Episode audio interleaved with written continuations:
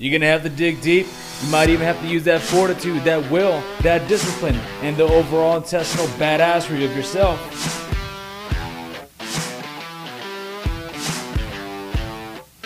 One. And we're live. This is Rico on the radio. Thanks for joining. Uh, so this weekend had the honor, the privilege, and opportunity to go to a thing called Cactus Con, right? And this was a conference for specifically cybersecurity professionals. And what that kind of did was open up your eyes to different elements of cybersecurity, right? Uh, anywhere from governance, risk, all the way down to the technical aspect. I saw some great things. I saw some great parents taking their children, being uh, early adopters into the lifestyle, of saying, "Hey, you might want to look at cybersecurity because cybersecurity is going to be around for a long, long time, and has been around for a long time, right?"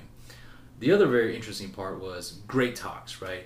Saw an old friend, uh, digital forensic uh, forensic friend of mine um, over there, and she, her, one of her staff was giving keynotes, and the support from the leadership aspect was amazing to see, right?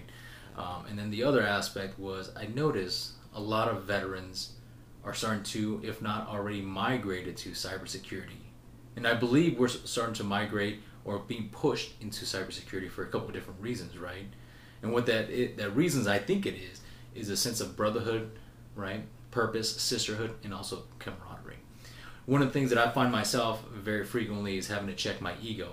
I don't know everything. I'm not Johnny on the queue. I'm not Jane on the queue, but I know enough, right? I know enough to get in the fight, respond to an incident, and do some do my uh, you know cybersecurity stuff.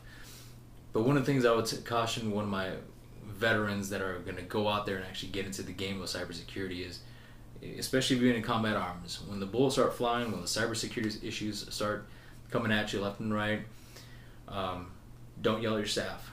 You know, listen to what they say. You know, admire to what they say.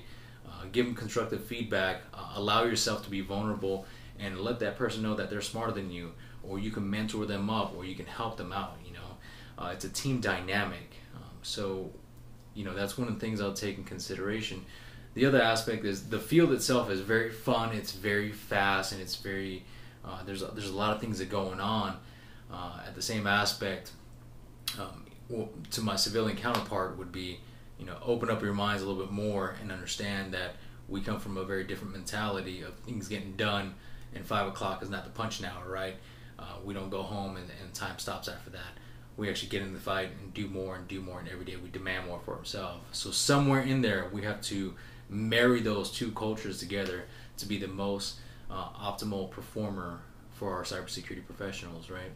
So, uh, food for thought. Take a listen. Let me know what you guys think. Peace. Rico on the radio.